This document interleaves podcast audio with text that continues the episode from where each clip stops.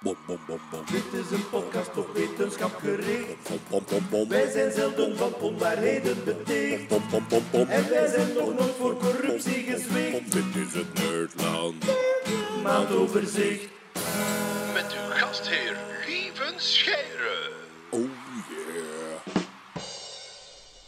Welkom beste luisteraars, we zitten weer samen. We gaan terugkijken op de maand februari in wetenschap en technologie. En bij mij zitten Hetty, Hey, dag lieven. Jeroen Bij, Hallo. en Natta Kerkhoffs, Hoi.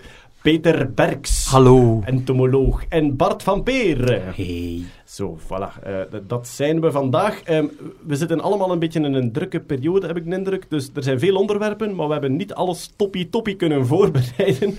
Er zal gegoogeld worden tijdens de podcast. Misschien ga je zelf af en toe iets eh, eh, extra moeten opzoeken. En de structuur zal compleet chaotisch zijn. Het is een doe-podcast. Ja, mensen die een uur aan het woord zijn en andere mensen die vijf minuten aan het woord zijn. Ra, ra, ra, wie zal wie zijn? We gaan er gewoon aan beginnen met wat eh, kleine losse flodders. En eh, ja, eh, nummertje 1 is dan... Boston Dynamics heeft weer een robot gepest. Jeroen. Het is ongelooflijk. Het gaat over de, de, eh, de, de Spot Mini. Het is een soort van... Ja, moet ik het zeggen? Het is een tube, een tube met, met vier poten aan. Een beetje ter grootte van een hond. Heel, heel veel van hun robots hebben iets eh, hondachtig. En dat is... Misschien heb je het filmpje gezien. Het is de robot die de deur kan open doen. Ja. Waar iedereen op reageerde van... Oh god, nu zijn we verloren. Ze kunnen deuren open doen. Eh, en er is een filmpje waarin die robot de deur probeert open te doen. En dan is er een man. En die probeert die robot te verhinderen van die deur open te doen. En in het begin duwt hij die robot nog zo'n beetje opzij. En is er nog allemaal heel... Hoe moet ik het zeggen? Speels. Je ziet dat er iets wat gevaar is. Maar dan, op ongeveer 1 minuut 43 in het filmpje... Trekt hij die robot, die robot heeft blijkbaar een, een staart die zich inrolt, zoals een, ja, zoals een veiligheidsgordel eigenlijk. Die trekt dan die robot zijn staart. En dan, dan ben ik wel een beetje van, hé, hey, nee, dat is vals. dat is vals. Maar het is ongelooflijk Ja. hoe dat we daar menselijke gevoelens of dierlijke gevoelens Ja. op projecteren. Hè? Ja, maar dat antropomorfe effect zo is bij mij wel een beetje aan het uitdijnen. Nu Ja? Dat al de, de zoveelste... Het is de zoveel, hoe- hoeveelste filmpje zou het zijn? Ah, maar ja, Boston Dynamics... Ze worden, voor- wel, ja, ze worden wel creatiever natuurlijk, want ik denk dat er ook eentje is, dus met dezelfde tube-robot en dan een andere die een extra, een extra attribuut heeft. En de ene doet de deur open voor de andere. Ja.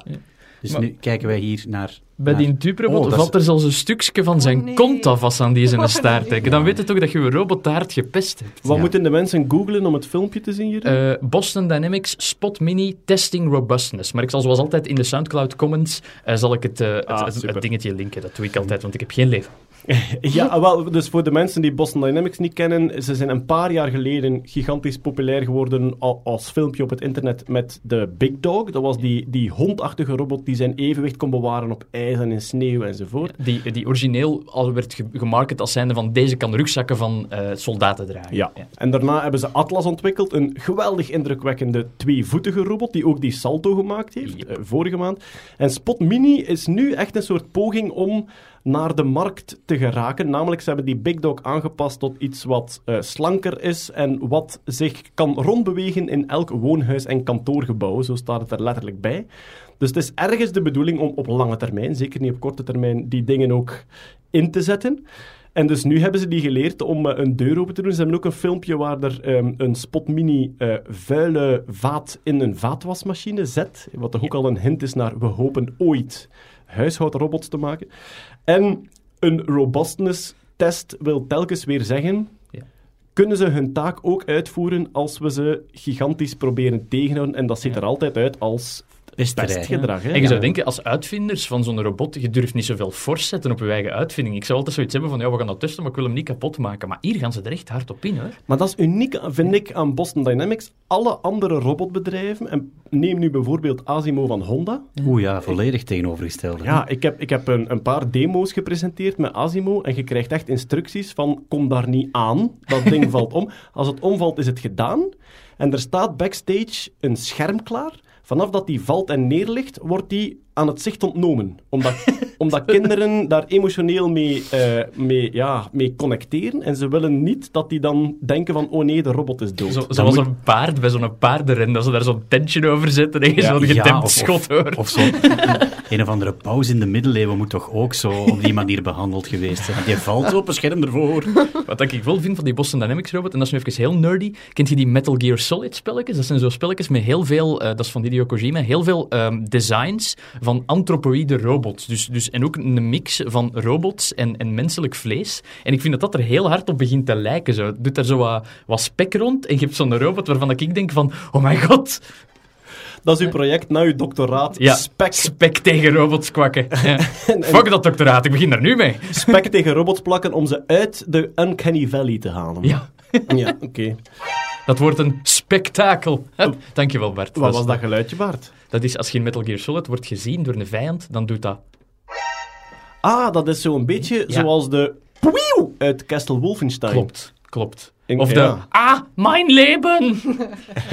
Zot, maar dat is een andere podcast. Of de honden in Castle Wolfenstein, die blaften als volgt. 8-bit geluid is zeer moeilijk. Dood, doodeng. Ja, waar is de tijd? Ehm, Eh, gisteren. in, in, ons, in onze hoofden wel, ja. Zeg maar, die Spot Mini, is die dan bedoeld voor, eh, laten we zeggen, huishoudelijke hulp voor mensen die wat minder ambulant zijn? Ja, Moeten we maar- in die richting denken? Nog steeds niemand weet waar Boston Dynamics precies aan werkt. Ze hebben even voor het leger gewerkt, ze zijn dan door Google gekocht. Ja, Google terug van de heeft hand ze gedaan. weer verkocht en nu is het, ehm, hoe heten ze? Die, dat Japans bedrijf dat eh, de Pepper-robot ook Het heeft- het- gekocht we heeft. hebben dat ooit- Softbank. We hebben dat eens opgezocht, ja, Softbank. Ja, Nee, Softbank. nee, het heet... eh, Misschien Wat? hebben die gewoon geen plan. Misschien is dat gewoon, misschien op elke pitchmeeting dat die zitten na die demo van die robot, iedereen kei enthousiast. En dan altijd de vraag van, ja, hoe gaat deze op de markt brengen? Op de markt brengen? Wij maken YouTube-filmpjes. Die doet een afwas voor ons, dat is toch genoeg? Maar ehm, eh, Softbank heeft duidelijk wel een plan, want die Pepper-robot wordt effectief al ingezet. Hè. Als je in Japan op bepaalde luchthavens rondloopt, komt er een Pepper naar u gereden die u tickets voor een musical probeert te verkopen. Dus die vraagt gewoon aan u, eh, do, you want to see a musical? En dan op dat scherm verschijnt er dan zo, waar dat je tickets kunt bestellen. Als je zegt nee, no problem, en dan rijdt hij weg naar de volgende. Het is, het is een kwestie van tijd voor die boos gaat worden als je deze zegt, hè? Ja, dat is waar. Of dat hij zo inderdaad zo eh, eh, steun 1111 staat te verkopen in de Veldstraat. Ja, zes van die robots dan, waar dat je niet voorbij geraakt deze keer. Over tien, jaar sturen we, over tien jaar sturen we die dingen naar het bejaardentehuis om onze ouders te negeren. Ja, die zijn er nu al, hè. Dus de, er is, Ik weet het niet, kom er er, nooit. ja, er is een, zee, een zeehondrobotje dat speciaal ontwikkeld is in Japan om oudere mensen gezelschap te houden. Een zeehond. Ja, je kunt dat A, een zeehondpuppy. Je kunt dat aaien en dat kijkt lief en dat flappert een beetje met zijn vinnetjes en het helpt blijkbaar. En je krijgt daar een knuppel bij. Dat is uw bejaardentehuis. Ah, ja. Ja. Ook robots die dat geleerd zijn om nooit te telefoneren. dus die bellen echt Die nooit. bellen echt nooit. Ja. Dus wat, die mop moet eh, een paar seconden vroeger gemonteerd worden. Ehm, Of, of die Spot Mini, zou je die, zie je die ook niet na een kernramp, een kerncentrale binnenwandelen om... Ja, dus in een, mens, een omgeving Om de gemaakt deur te openen. Nee! Laat dat dicht. Wel, Ticketjes voor die musical verkopen. Iemand, iemand. Iemand? Er hebben opeens heel veel mensen afgezegd voor Hamilton. eh. Ehm, wel, dus robots om, om, om in kerncentraal of na een kernramp te gaan helpen, is wat dat Boston Dynamics met die Atlas-robot gedaan heeft. Ah, dus ja. Ze hebben de grote Robo-challenge georganiseerd. En toen hebben ze echt een soort Fukushima-achtige omgeving gebouwd, waar die robot moest binnengaan, deuren open doen, boormachine gebruiken, een brandblusslang afrollen en aanzetten, Ja. dat soort dingen. Maar op de, eh, op de jaarlijkse Robocup, dus het WK voetbal voor robots, is er ook een rescue-competitie. En die hebben totaal andere robots. Die hebben robots op rupsbanden, die vooraan en achteraan ehm, eigenlijk armen hebben, ook met rupsbanden op, en benen van achter, die ze omhoog naar beneden kunnen kantelen, waardoor dat die ook op oneffen terrein en trappen en zo kunnen gaan. Dus op dit moment wordt er in die richting gedacht. Natuurlijk, een robot die eruit ziet als een mens, is per definitie ideaal gebouwd om in een op mensenmaat gebouwde fabriek alles Ja. te gaan doen. En dat is een beetje de denkrichting. Die Fukushima-robots trouwens, om, om daar in die kerncentrale die half nog in, in frutten van één ligt, om daar dingen te gaan doen. Die batterijcapaciteit, ze zorgen- die robots die komen niet terug. Het is goedkoper om die naar daar te sturen, die zijn ding te laten doen, dan ergens op een of ander robotkerkhof daar te parkeren en die niet terug te halen. Dus er zijn zo'n heel hoop robotten dat daar ergens staan, als een soort van verroeste Wally. Eh, ik vind dat heel mooi. Maar dat waren die ook niet, nog, gewoon ook nog niet in staat om dat te overleven? Want ik vermoed dat die straling... ja, ja, die daar waren ze ook nog niet in... groot. Voilà, Dat was ook, dat was, daar waren ze nog niet in geslaagd, van zijn robot volledig stralings... tegen de straling te beschermen eigenlijk. Dat wordt toch een soort toeristische attractie van de toekomst. Gaan kijken naar de dode robots van Fukushima. They died so we could live. Ik denk dat je zo na Disney Chernobyl nu ook Disney Fukushima gaat krijgen. Maar dus, ehm, die robots worden gepest met een goede reden, namelijk ehm, ja, de robuustheid van het systeem. In hoeverre kan het om met ruis, tegenwerking enzovoort. En dat brengt ons eigenlijk bij robotwedstrijden. Ik heb ooit gevraagd aan een, aan een Robocup voetbalrobotbouwer waarom voetbal. En die zei ja, enerzijds de ideale ingang naar het brede publiek. En anderzijds, voetbal is een sport met een heel duidelijk doel, waarin dat er een ander team is dat probeert om u gigantisch te verhinderen om dat doel te bereiken. Dus je zit op een andere level dan zuiver computationeel lineair uitvoeren van taken. Je moet constant rekening houden met stoorzenders, veranderende omgeving enzovoort. En wat dat betreft hebben we weer, denk ik, iets leuk gezien op de winterspelen, namelijk skiënde robotjes. Ja? Zo cute. Ja, ze waren geweldig schattig. Ja. Ze vielen constant op hun bakkes. Ja, en ene zag er letterlijk uit alsof dat zo een broek op skimatten was Ja, ja. dat naar beneden kwam. Ze, ze hebben die allemaal skipakjes aangetrokken en het lijken zo eigenlijk Oh, jongens, kleutertjes. Zo. Ja, we zijn nu naar het filmpje aan het kijken. En ze gaan wel geweldig op hun bakkes, ja. Dus qua, ja... Die broek, dat is die broek. dat is letterlijk enkel een broek. Maar, ja, dus als mensen, ja, als, Allee. mensen, als mensen googlen op Robot Ski Tournament, dan zie je de beelden in Pyeongchang. Ehm, nu, veel mensen zeiden van, zie je wel dat robotics nog nergens, sta- nergens staat. Dit was typisch zo'n, ik denk, studenten- of developers-wedstrijd, die echt op academisch niveau en niet op topbedrijfniveau staat. Ehm, maar die dingen zijn geweldig nuttig, omdat het is op die manier dat je, ja, dat je leert hoe dat je toch dat evenwicht juist zet enzovoort. Dus geweldig beeld en ook nog een nuttig project. Ik ben helemaal fan. Het is niet dat mensen zo goed zijn in skiën, hè. laten we eerlijk zijn. Niet iedereen, ja.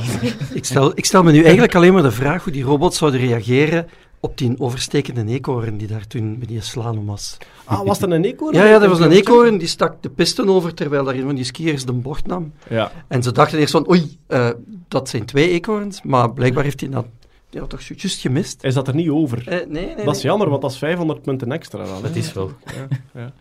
Volgens mij waren dat allemaal zo Noord-Koreaanse skirobots die wilden ontsnappen.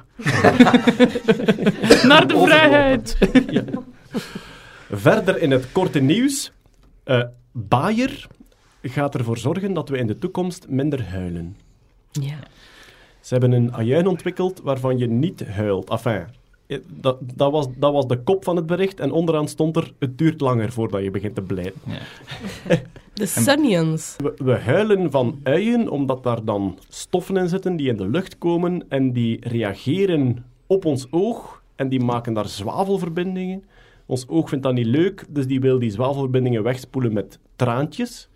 En dus Bayer heeft een beetje geprutst met de ajuin om dan te proberen van die ja, verbindingen niet te laten vormen in die cellen, zodanig dat ze niet in ons oog terechtkomen. Weet je dat, dat elk... Als ik een ui snij en met een hond zit erbij, begint met een hond ook te wenen, Hetty? Oeh, Kom goeie op. vraag. Ja, zeg! Dat moeten we testen, ik weet Oké, het niet. ik, eh, ik, ik google Google. het. Google of Ja. Google. Ja. Maar Als je is- trouwens de Sunions googelt, hun promofilmpje is eh waanzinnig hilarisch. De ja. ja, Dus ja. iedereen mag gewoon Sunions Is dat met een S? Ja, Ja. Ja. Onions met een S voor en dan zie je een promofilmpje voor hun eh, niet-huilende uien. Maar ze waren wel heel snel om te zeggen, het is geen genetische modificatie geweest. Ze hebben er 30 jaar aan gekruist om eh, deze Oeh, variant is te voorkomen. Ja. Echt ja. via kruising en dan waarschijnlijk... Want ja, ik neem aan dat je niet telkens gaat snijden en tranen meten, maar dat je meet in het lab hoeveel van die vluchtige Ja. stoffen dat er gevormd worden. Ja, ik denk het wel. En dan altijd de, de soort met de minst vluchtige stoffen gekruist Ja. met een andere. Maar dat Ja. is toch eigenlijk gewoon een heel trage en inefficiënte vorm van genetische manipulatie? Maar absoluut. Maar dat is de vorm die we al heel lang toepassen, al Ja. 10.000 jaar sinds het ontstaan van de landbouw. Stop de persen. Uien zijn giftig voor honden. Is dat? Ja, ik moet, ik moet thuis dringend kebab van het menu halen voor ons een blakkie. Chocolade ook trouwens. Hè? Wat? Chocolade is ook... Ja, dus eh, als je zo eh eh, ajuinen, dus uien in chocolade dopt, niet aan je hond geven. Ah, maar nu snap ik het. Mijn lief komt altijd thuis van... Zeg, ik heb chocola gekocht voor de hond, hè. Ah, ah. Ja, ik zal ik het dan opeten. Ehm, Niet eh, doen dus, niet doen. Thiosulfaat zit, het in, zit in uien en dat is de... Katten en honden kunnen dat niet tegen, tegen Ah, thiosulfaat. en het zal, het zal waarschijnlijk ook dat sulfaat zijn dat reageert in ons oog. Ja, het staat er wel bij, ze moeten stevig wat uien eten voordat ze eraan doodgaan. Dus één, één uitje af en toe, dat zal wel... Zoals de mens met appelpitten. Ja. De dodelijke dosis appelpitten is één koffietas. Tja. Dus Mhm. één koffietas vol appelpitten. Je moet er wel goed op kouwen, anders komen de stoffen niet in je lijf terecht, maar dan zijt je dood. Zeg het niet te luid, lieve, want binnenkort is er een nieuwe YouTube-challenge. Ja. Dodelijke dosis zout, iemand? Hoeveel? 800 gram. 800 gram maar. Dus je hebt, als, Wacht, als nee, je... dat is wel veel. Dat is. Als je Ja. zo'n pak, als je zo'n pak zout in je keuken staan hebt van 1 kilo, Mhm. dan heb je een, een dodelijke chemische substantie. eh, je mocht dat daarop zetten, lethal. Ja. Moeten we nu niet zoals in het nieuws doen, indien u worstelt met gedachten over zelftoning. Indien u worstelt met gedachten over zout, kan u de redactie altijd. Een dodelijke dosis van water. Water, ja. Ah, 7 liter? Vijf liter. Vijf maar. Vijf liter, ja. Wat? En dan hebben we het over niet gedistilleerd water, hè, want gedistilleerd water Nee, is gewoon, gewoon water, hè? gewoon Ja, ja. water. Toen Dus ik- een bad nemen is eigenlijk living on the edge. toen, ik, toen ik nierstenen had, zei een of andere dokter mij, je moet vijf liter water per dag drinken, minstens. Die wou mij dood. Ja, niet in één keer. Ja, niet in één keer. Ja. Je moet, die vijf liter moet je ineens drinken. Hè. Oh. Ah, Dus als je in bad geweest bent, kun je zeggen, ik heb daarnet in een hele poel lauw gif gelegen. Oké. als een ajuin een mens of een ander dier doet wenen, is dat een afweermechanisme? Is dat iets dat wel, evo- dus- evolutionair ontstaan is, door, waardoor dat die overleeft? Geen, nee, te- wel, ja, ehm, onrechtstreeks. Namelijk, de vluchtige stoffen van de ajuin zorgen voor een irritatie van uw ogen. En Ja. uw oog, alles wat het oog irriteert, spoelt het weg met tranen. Maar dus het is niet dat het specifiek op uien gericht is. Als je, als je zand in je ogen gooit, gaan ze ook beginnen tranen. Dus het, het mechanisme van tranen voor die stof is niet specifiek voor de ui ontwikkeld. Zo, zo arrogant nee. kunnen de uien niet zijn. Ah, zo. Alleen dingen die lekker zijn bij frietjes doen uw ogen tranen, Bart. Dat is wat dat er gebeurt. Damn evolution. Goed, we hebben nog keukennieuws. Het zou kunnen dat uw keukenklok vijf minuten achterloopt. Maar dat was dus echt, hè? Bij mij? Ja? Ja, Uw klok liep achter. van mijn oven. De Ja. horror. Ja. Maar Eh, de- hoe komt het, Jeroen? Wel, eh, de klokken in, in van die elektronische apparaten, die, die synchroniseren zich met behulp van, van eh, kleine pulsen op het elektriciteitsnetwerk. En die pulsen die zitten eigenlijk Europees gezien op het elektriciteitsnetwerk. En er was blijkbaar een of andere elektriciteitsopwekkingscentrale in Oost-Europa die een lichtjes verkeerde puls uitstuurde. Dat propageerde zich over het elektriciteitsnetwerk. En dus al uw elektrische apparaten die verwachten dat, dat ze aan 50 hertz, dus 50 keer per seconde, een tikje krijgen. Die kregen dan nu iets, oh, nu moet ik nadenken, sneller of trager? Iets trager, Iets klokken trager. Iets trager, waar- daardoor liepen de klokken achter. Ja. Want er zijn veel mensen die denken van, ah, ik heb een, ik heb een, een, een keukenklok en die is gesynchroniseerd met de atoomklok in Zwitserland. Dat is niet dat die daar naar belt, hè. dat is een, een dienst van de atoomklok in Zwitserland die die puls op netwerk zet en daar reageert hij op. Oh maar ja, dus elk, elke, het, het, het grote, de grote uitdaging van een klok is, zoek iets wat in een heel vast ritme tikt of heen en weer gaat. De, de slinger was de eerste uitvinding, die heel prachtig op hetzelfde tempo heen en weer gaat. Dus geteld hoeveel keer dat die slinger gegaan is, en daar maakte één seconde van. Daarna hebben we het piezokristal ontdekt. Als je daar elektriek op zet, begint dat te trillen aan een bepaalde frequentie, geteld hoeveel keer het getrild heeft, en na een bepaald aantal telt geen seconde. Daarna de standpunten van de gemiddelde Vlaamse partij, eh, hoe vaak dat die veranderen. Dat je ook een klok op, eh, op gelijk Daarna eh, de Poco-tweets van Jeroen Baart. En dus eh dan kun je ook eigenlijk tellen. Ik heb een goed mensje Goed, man.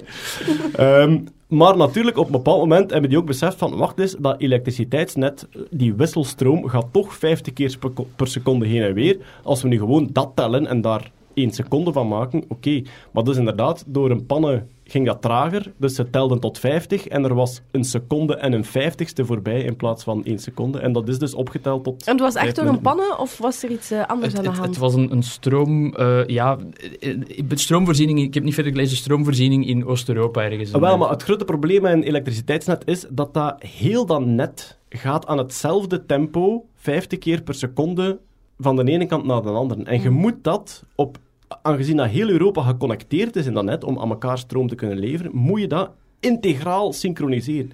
Dus als er iemand in de miserie zit in Zuid- in, eh, Zuid-Europa, moet je gewoon heel je net aanpassen, zodat het niet mee kan, anders valt die er volledig uit of moet je die afsnijden. En daarom is dus heel Europa op lager dan 50 hertz gezet. De klokken staan dus vijf minuten ehm, eh, achter, is het nu. Maar iedereen die zijn klok terug bijgesteld heeft, is nu gejost, want ze gaan nu de frequentie opdrijven om het te herstellen. Ah, ik ben er niet aan geweest, dus dat is Ah, oké, voilà. Dus uw klok gaat zich automatisch terug vijf minuten terugzetten. Mijn klok Ja. staat altijd op de enige correcte tijd. Pinkend 00 dubbelpunt 00. Zoals het hoort voor een microgolfovenklok of die van een videorecorder. ik zeg het maar. We nemen het mee, Jeroen. We nemen het mee. Ehm, goed, wat hadden we ook gelezen? Barbara Streisand heeft haar hond gekloond. Not the onion. Nee, dus eh, Barbara Streisand, de bekende actrice, had een eh, hond als huisdier die ze heel lief vond. En ze dacht, ik wil die nog eens. Ze heeft die laten klonen.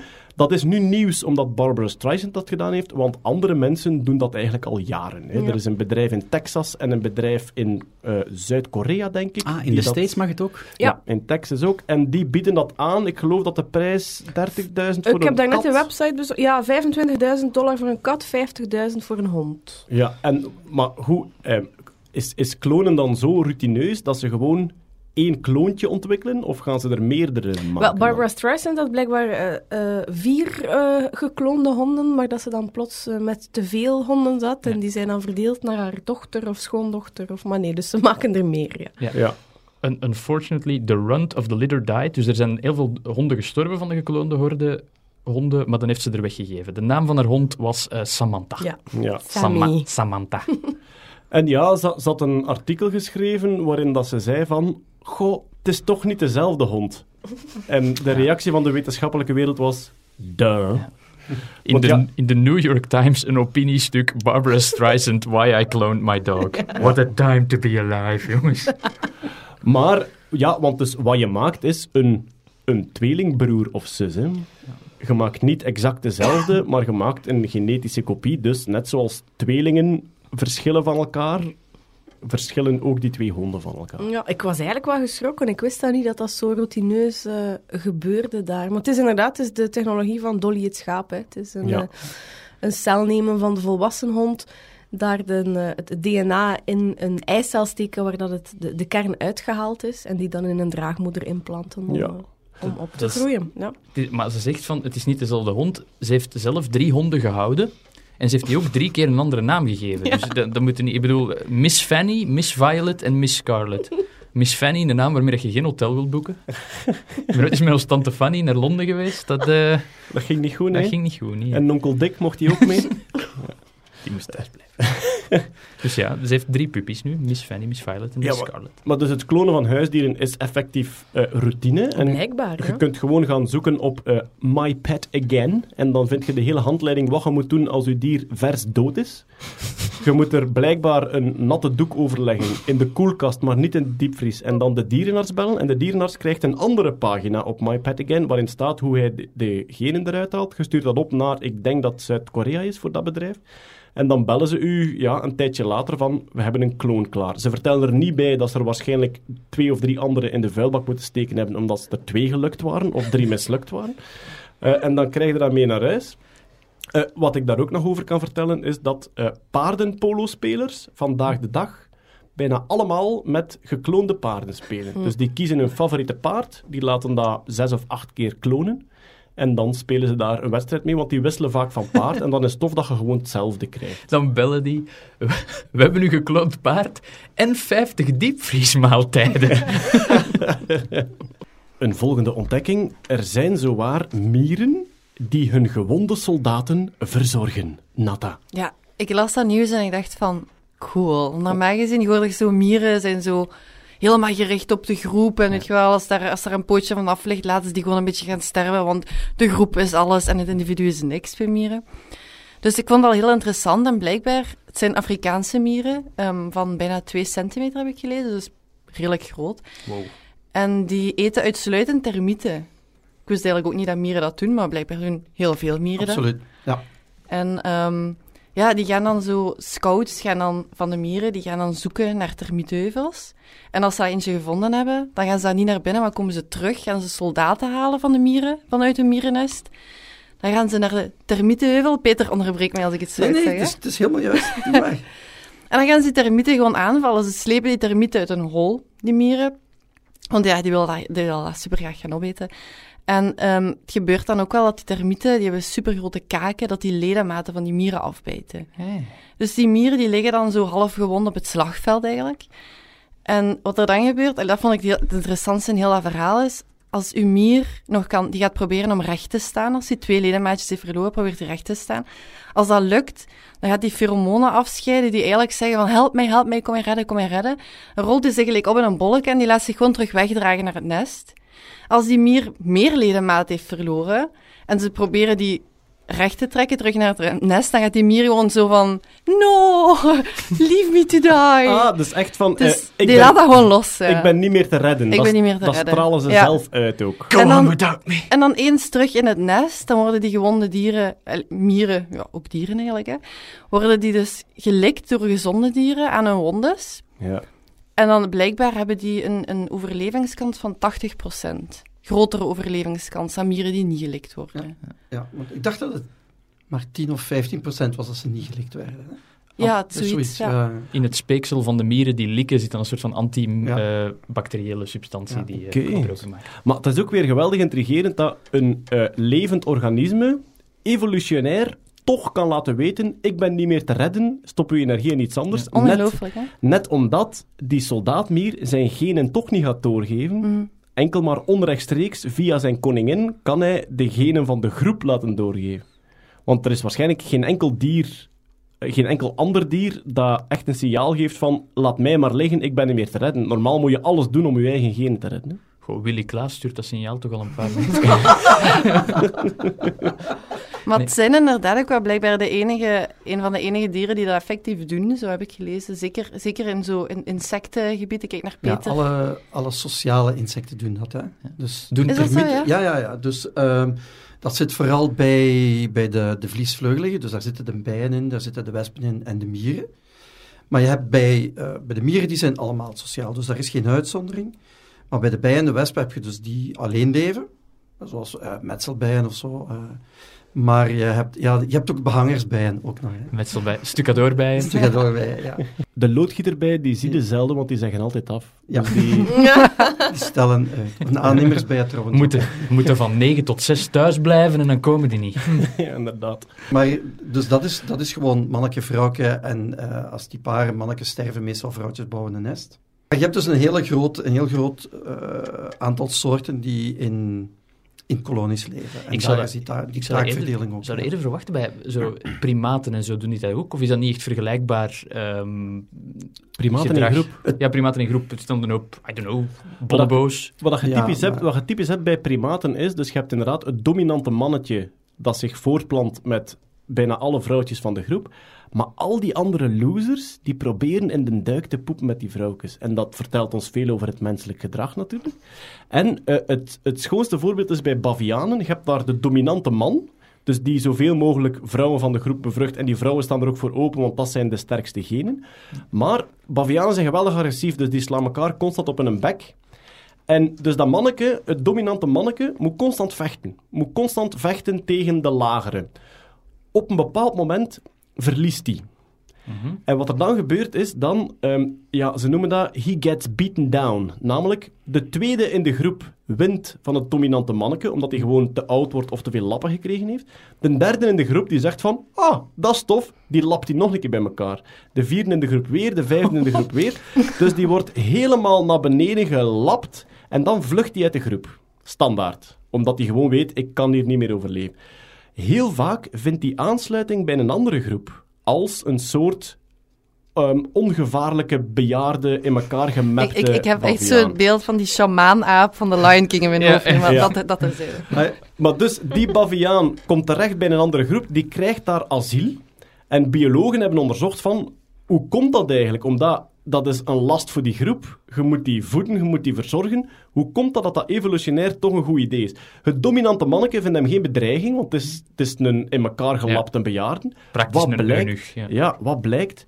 Die, eh, die eh, bij elkaar gemapte bejaarden die asiel krijgen in een andere groep, die zitten constant in de struiken met de vrouwtjes van die groep. waardoor, waardoor dat die groep hele sterke genen van elders binnenkrijgt en dat de groep dus versterkt wordt.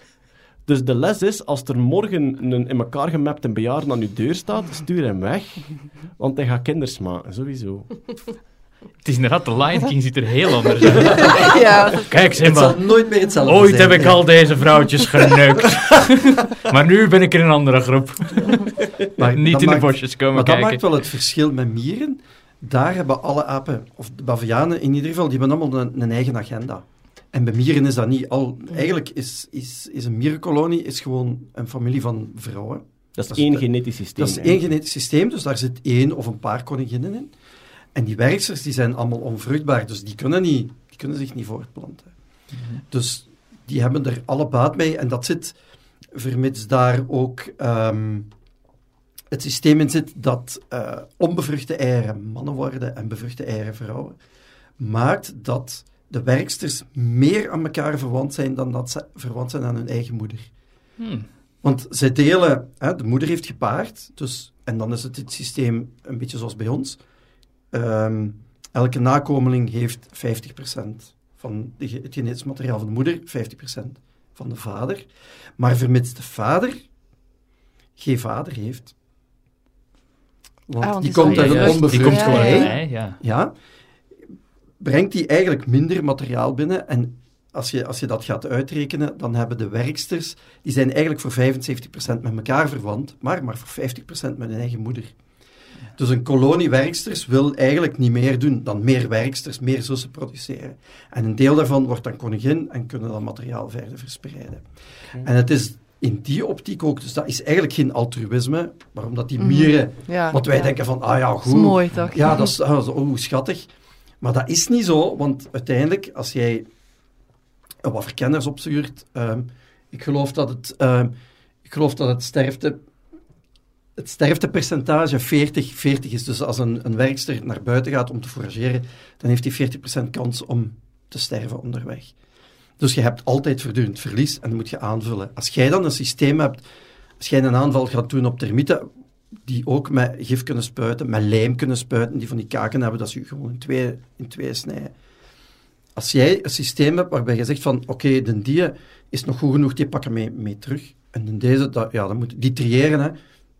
Daar hangen er Mm. labeltjes op, hè. Nee, dat is niet Ja, dat is goed. ik had ook gelezen dat een derde van, van zo'n kolonie zouden bestaan uit gehandicapte mieren. Ja, eigenlijk. ja, ja. Dus dat laat zien dat het toch super nuttig is om die mieren dan terug... En blijkbaar kunnen die ook, gegeven dat ze dus niet te veel ledematen hebben verloren, kunnen die terug dezelfde running speeds hebben als een gezonde mier. Ja.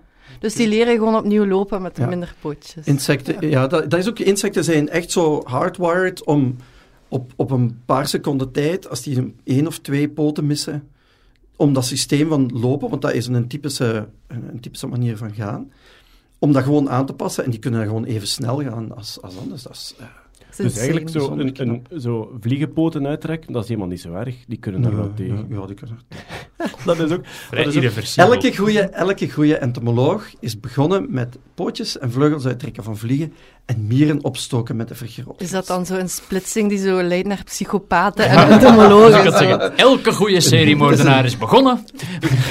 Nee, is maar thin line. we hebben, we hebben er helaas geen tijd voor en er zit ook maar één entomoloog aan tafel. Maar het tofste wat je kunt doen, als je meerdere entomologen samen hebt, dat is je afvragen...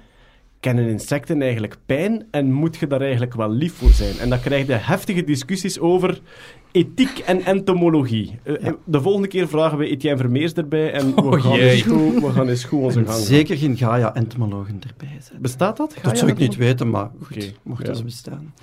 Wat hadden we nog in het korte With nieuws? pleasure. Er komt een DNA-emoji.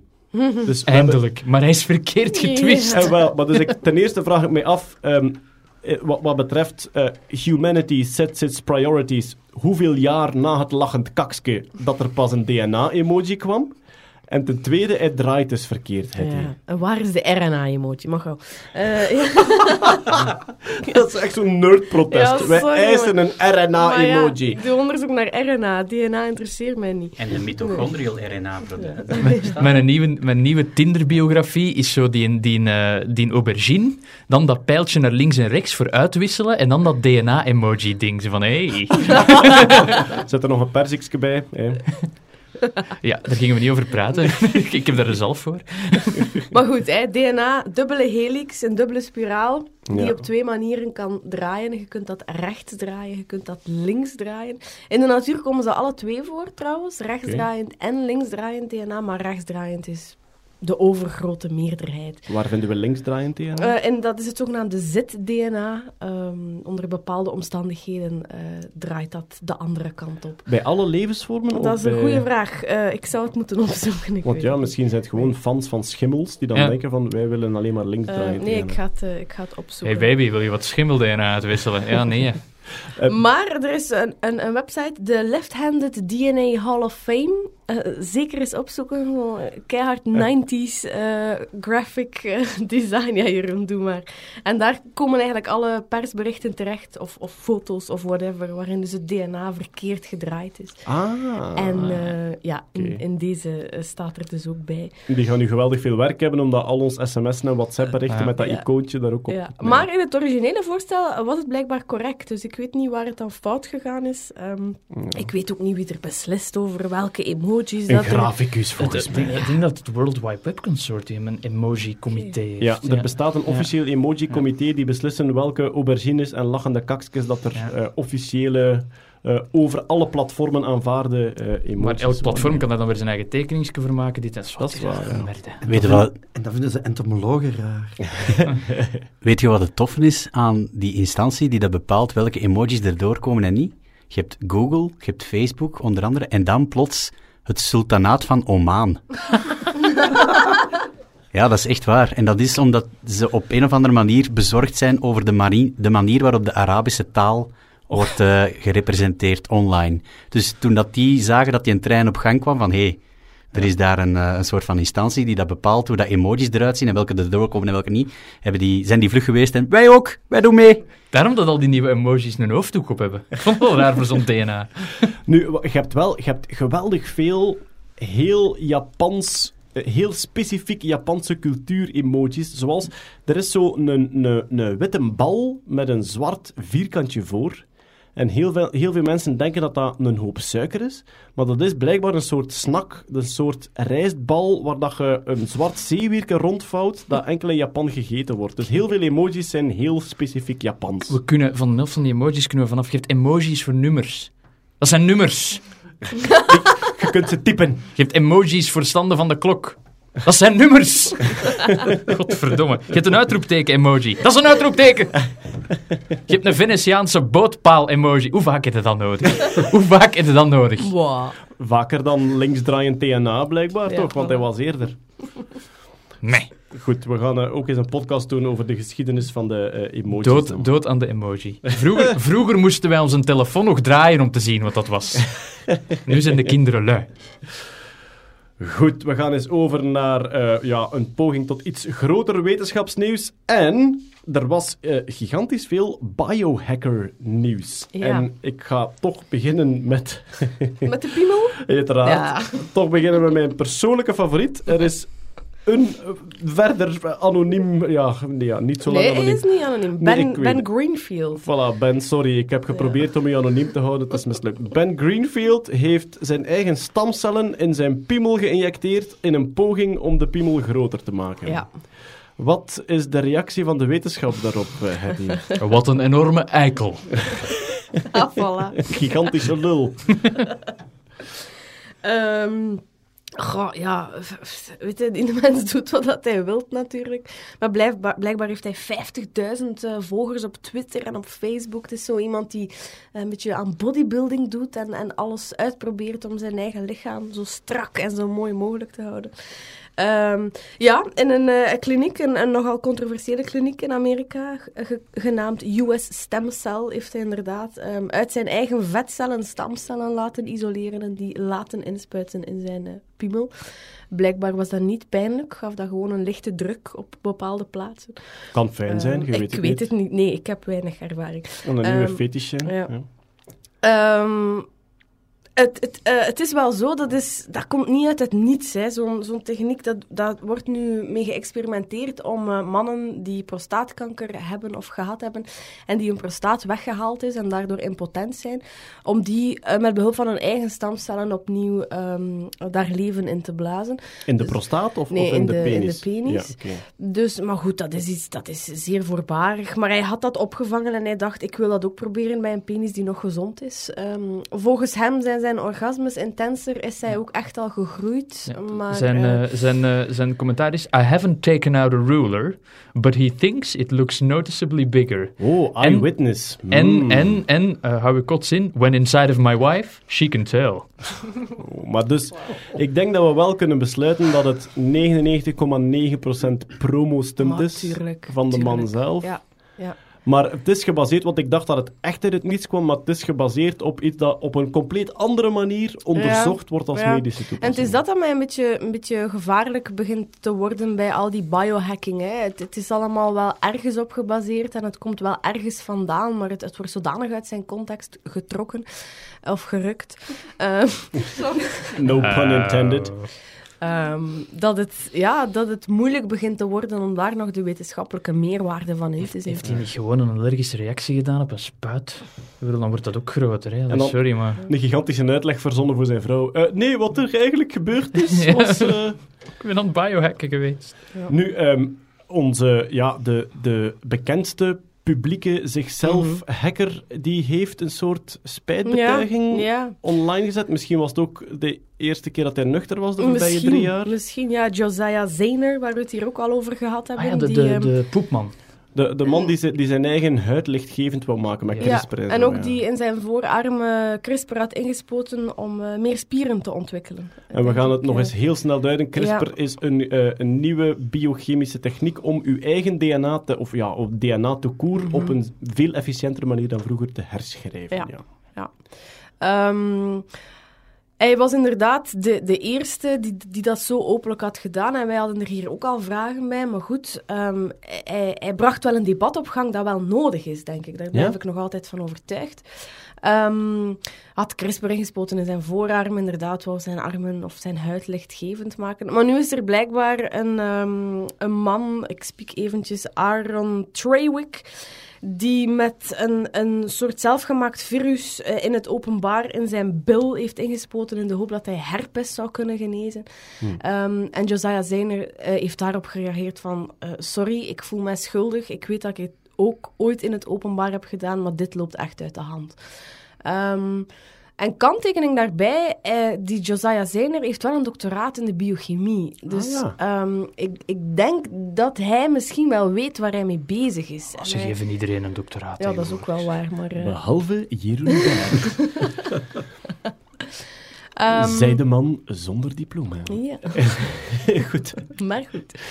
Ehm, ja, en, en allee, ik vind dat een heel boeiend debat om te volgen. En wat er mij, ik heb het hier ook al gezegd, denk ik, blijf daarin fascineren. Ik voel bij al die mensen die dat bij zichzelf proberen, een soort vrevel naar de academische wereld, naar de medische wereld, van help mij, ik zit met een probleem, ik denk dat de oplossing er is, maar jullie komen er maar niet mee. Nog een verhaal eh, deze maand, een, ehm, een, een man die eh, lactose-intolerant was, Ja. Die een eigen virus heeft gecreëerd met daar het lactase-gen in, dat dus dat lactose kan afbreken, die dat ehm, in zijn, ja, ingeslikt heeft, in de hoop dat dat in zijn maag zou openbarsten, dat dat, dat lactase-gen zich zou inwerken in de cellen van zijn dunne darm. Want dus concreet, Ja. lactose is een eiwit dat in melk Dat is zit. een suiker, ja. Ja, een ja, disaccharide, voilà. ja. Ah ja, juist. Ja. Ja. Het is een suiker dat in Mhm. melk zit. Mhm. Ehm, eh, mensen die lactose-intolerant zijn, kunnen dat niet verteren, want Nee. je hebt een eiwit nodig in je darmen, Om dat namelijk in twee te knippen. lactase ja, dat dat in twee knipt. Ja. En dus, eh, een eiwit wordt gemaakt door uw genetische informatie.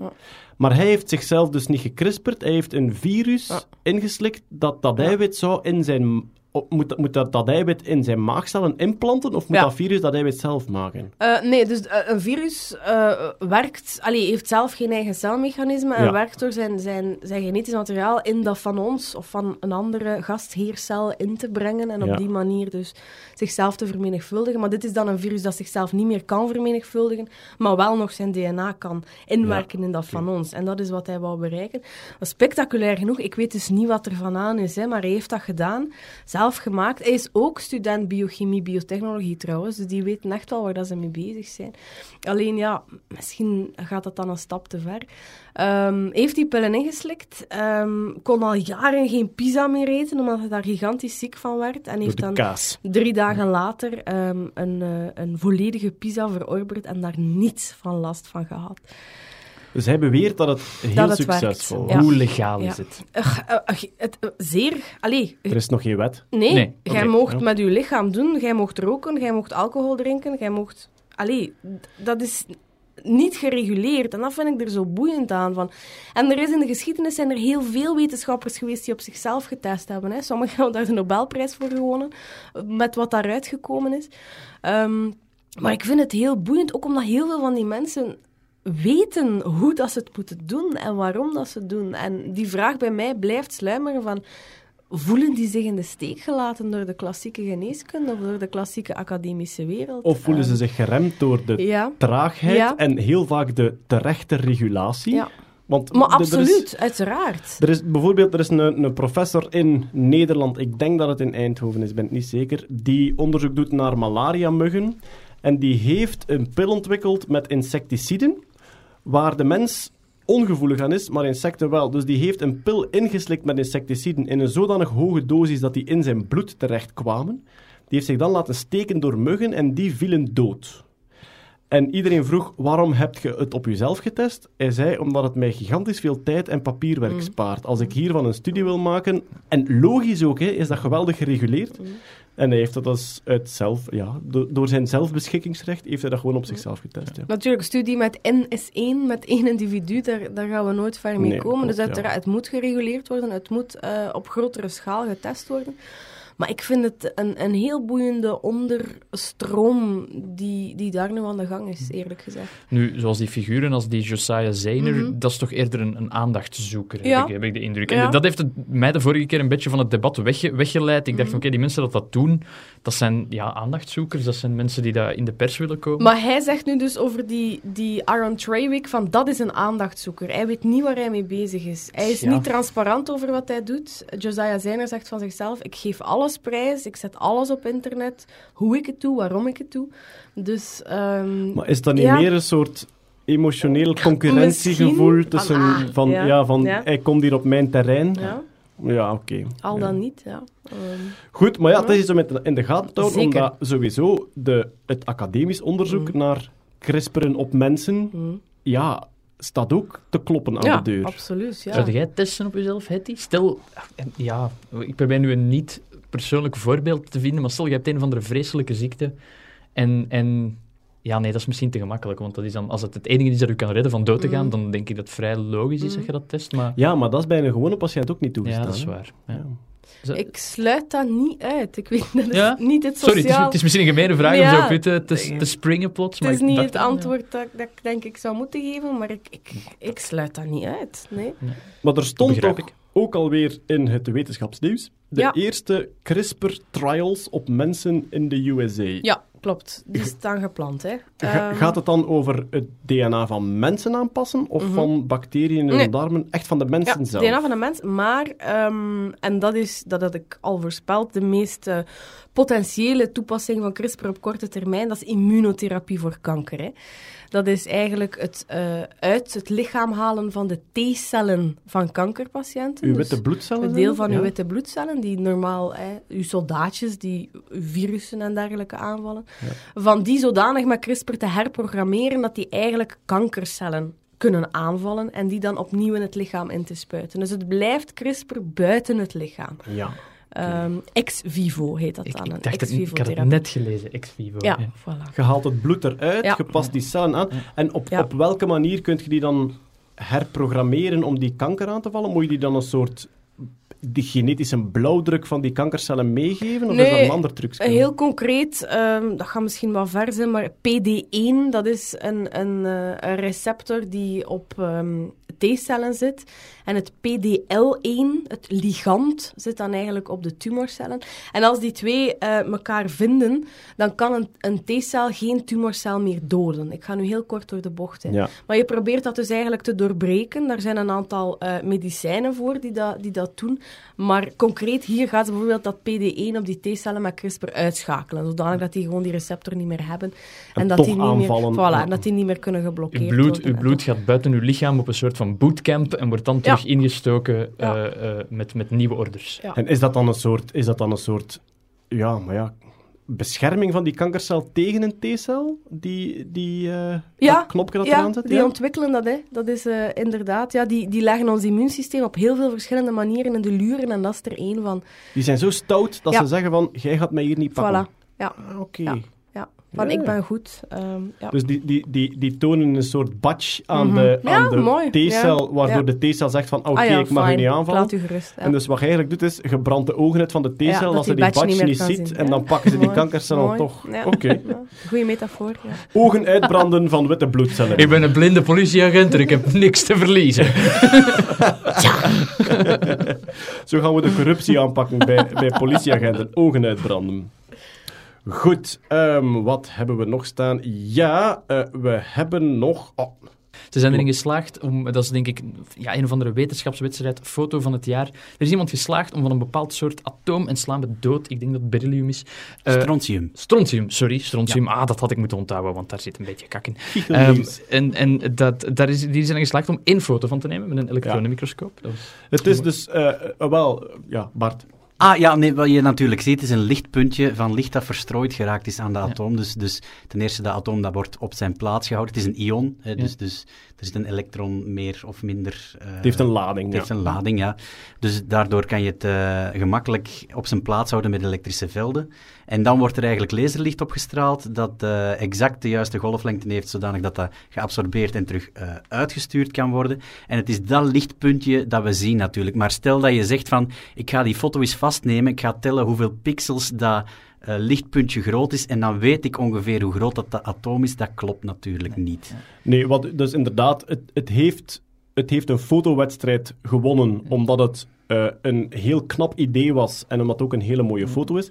Zuiver technologisch is het geen complete vernieuwing en komt er inderdaad op neer dat je, stel dat je uit een satelliet, stel dat je zegt, je maakt de hele aarde donker en vanuit een satelliet eh, laat er iemand met een hele felle zaklamp omhoog schijnen en je komt daar 200 keer over en je hebt een soort wazige lichtvlek op aarde, dat je dan zegt, we hebben de foto van één lampje genomen uit de satelliet. Dus de lichtvlek die gevormd wordt is groter dan het atoom zelf Ja. en wordt gemaakt door meerdere fotonen die op die manier eruit komen. Maar ze beweren wel, elk van die fotonen kwam van één en hetzelfde atoom dat in dat elektrisch Ja. veld hing. Ja, Ja. Dat is, dus dus, op zich, het is een heel mooi beeld. Hè. ja. er is dus nog hoop voor Ben Krabbe om ooit een geldige pasfoto te kunnen trekken.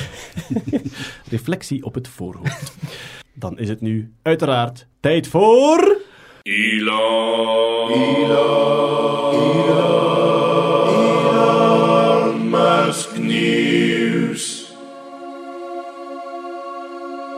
Het Elon Musk nieuws. Ja, het is potverdikke al geleden van na onze vorige podcast dat de Falcon Heavy gelanceerd is. Dus, Jeroen Baart, wanneer krijgen we onze pintjes van jou? Wel, in stijl van de Falcon Heavy ga ik die nu eh, plannen over drie maanden. Maar ik wil niet, eh, ja, kijk, ik wil niet beloven dat ze niet zullen ontploffen als ik ze meebreng.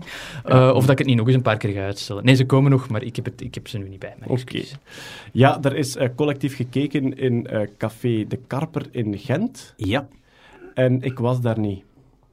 Je was er maar niet op het juiste moment, hè, lieve. Je moest even weg. Ach man, ik heb dus die, ja, heel de boel mee in gang gestoken. Jij meent dat? Ja, dat is echt waar. Ik had een boel mee in gang gestoken en ik moest die avond, dat stond al heel lang gepland, naar een opname van De Zoete Inval. Dat eventjes verder in de straat, ook op de ring van Gent was. En hadden ze gelanceerd om half acht, wat origineel het plan was, dan had ik erbij geweest. Maar door het uitstel, door die wind, Ja. moest ik weg. En ik, ik was dan waarschijnlijk de enige die zat te hopen, stel uit tot morgen. Dat is niet gebeurd. En dus op het moment van de lancering, en ik heb horen zeggen dat eh, het café echt een soort, ja... Het de- stond in brand. De, Ja. de cafébaas ga- zei, het is alsof dat, er een, dat de Belgen gescoord hadden op 2K. Ja, ja, er werd eh, deftig gejuicht. Eh, omschrijf eens, Bart. Op alle cruciale momenten. Dus we zijn eigenlijk begonnen met gewoon een of andere Twitterfeed, nee, geen Twitterfeed, een of ander message deck open te zetten. Ja, een stuk Reddit en een stuk Twitter van SpaceX. Ja, ja. Eh, wat dat geweldig tof was, want ik had zelf, het was mijn laptop die daar aangesloten stond, ik had niet, niet echt een plan van, ik dacht ik ga gewoon de SpaceX eh, live feed openzetten. Ja. Maar er kwamen van overal suggesties van daar kan je dit volgen, daar kan je dat volgen, hebben we dan op het scherm gesmeden. Ook in zo'n soort van rood themaatje. Het was de Karper werd zo even Starship Enterprise, super tof. En vanaf dan, op elk eh, eh, cruciaal moment in de hele lancering, werd er, werd er enorm gejuicht. Toen, toen die wagen onthuld werd, goh, Die Don't ja, Panic dat was zo. beter dan een goal van de Belgen. Ja.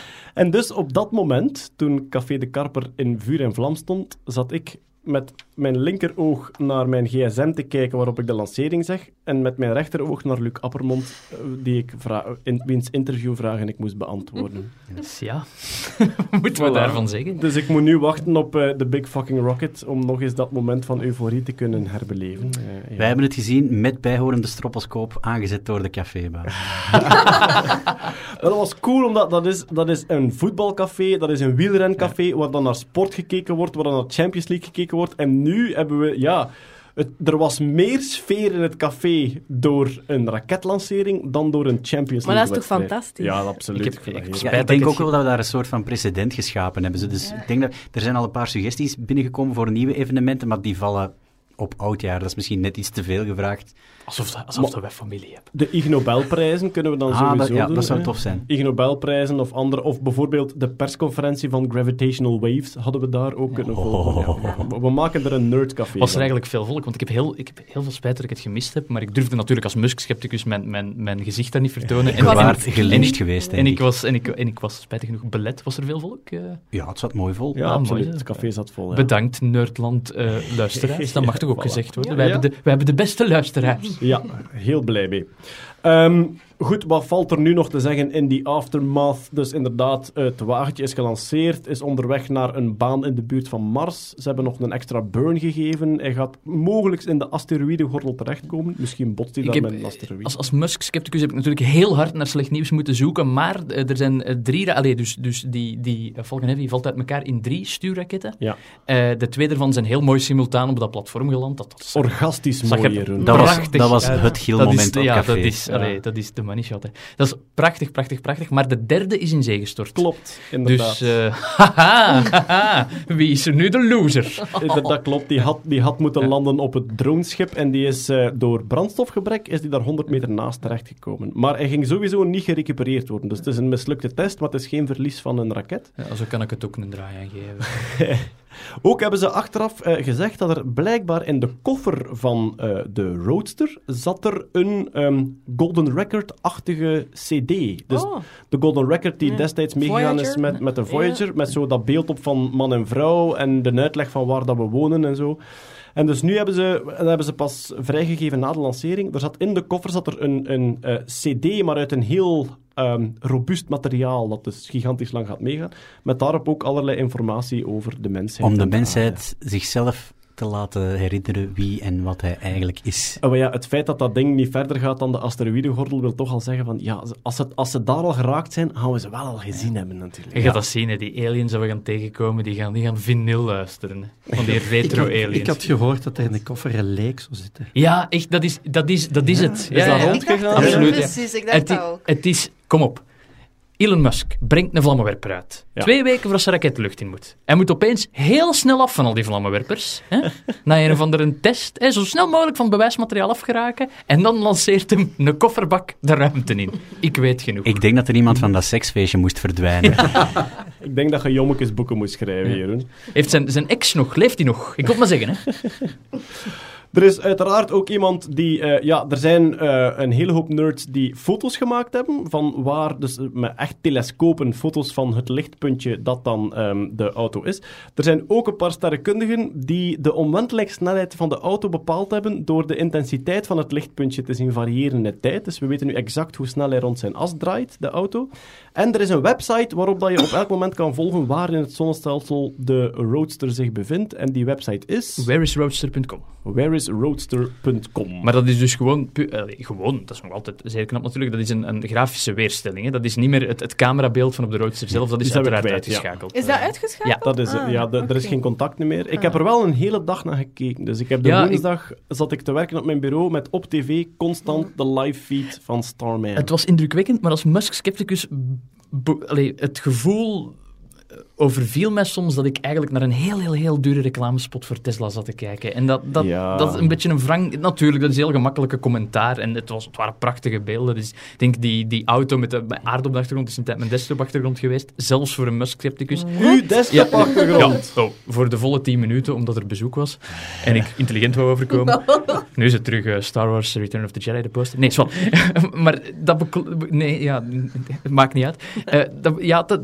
Toch altijd een beetje in mijn achterhoofd van... Ja, dat is een man die zijn product de ruimte ingeschoten heeft. Zou ik even enthousiast zijn, zou daar een iPhone X rondzweven, bij wijze van spreken? Ja, oké. Maar hetgeen dat je nu zegt, werd heel veel gehoord. En ik heb zowel op Twitter als op Facebook heb ik een paar keer moeten mijzelf verdedigen omdat ik er enthousiast over was. Eh, Nu, Dat, dat vind ik ook niet nodig. Allee, ja. Nu, ehm, bij de maanlanding was dat net hetzelfde. Hè? Dus eh, ja, dus ehm, eh, in mijn eh, nieuw programma op VTM vanaf 30 maart kan iedereen nog volgen. ehm, komt, komt er, komen er beelden van mensen die de maanlanding becommentariëren. En dat zijn heel veel mensen. Moeten ze daar nog geld aan geven? Ze zouden beter de pensioenen wat verrooien. dus Ja, dat was ja, echt zo. En dus wat je nu ook hebt, heel veel mensen die denken dat het enige doel van die lancering was om een auto de lucht in te schieten. En die je echt moet uitleggen, Mm, nee, dat is Nee. is het, was, het niet. het was dat of een blok beton. En Elon Musk heeft, in, in mijn opinie, heeft hij uit onnozelheid gekozen voor de auto. Want bij een vorige testlancering hebben ze een bol kaas gelanceerd. En Musk heeft geen kaasbedrijf. Dus hebben ze uit onnozelheid gekozen uit een auto. En komt dat nu gigantisch over als een reclamestunt. De waarheid zal in het midden liggen.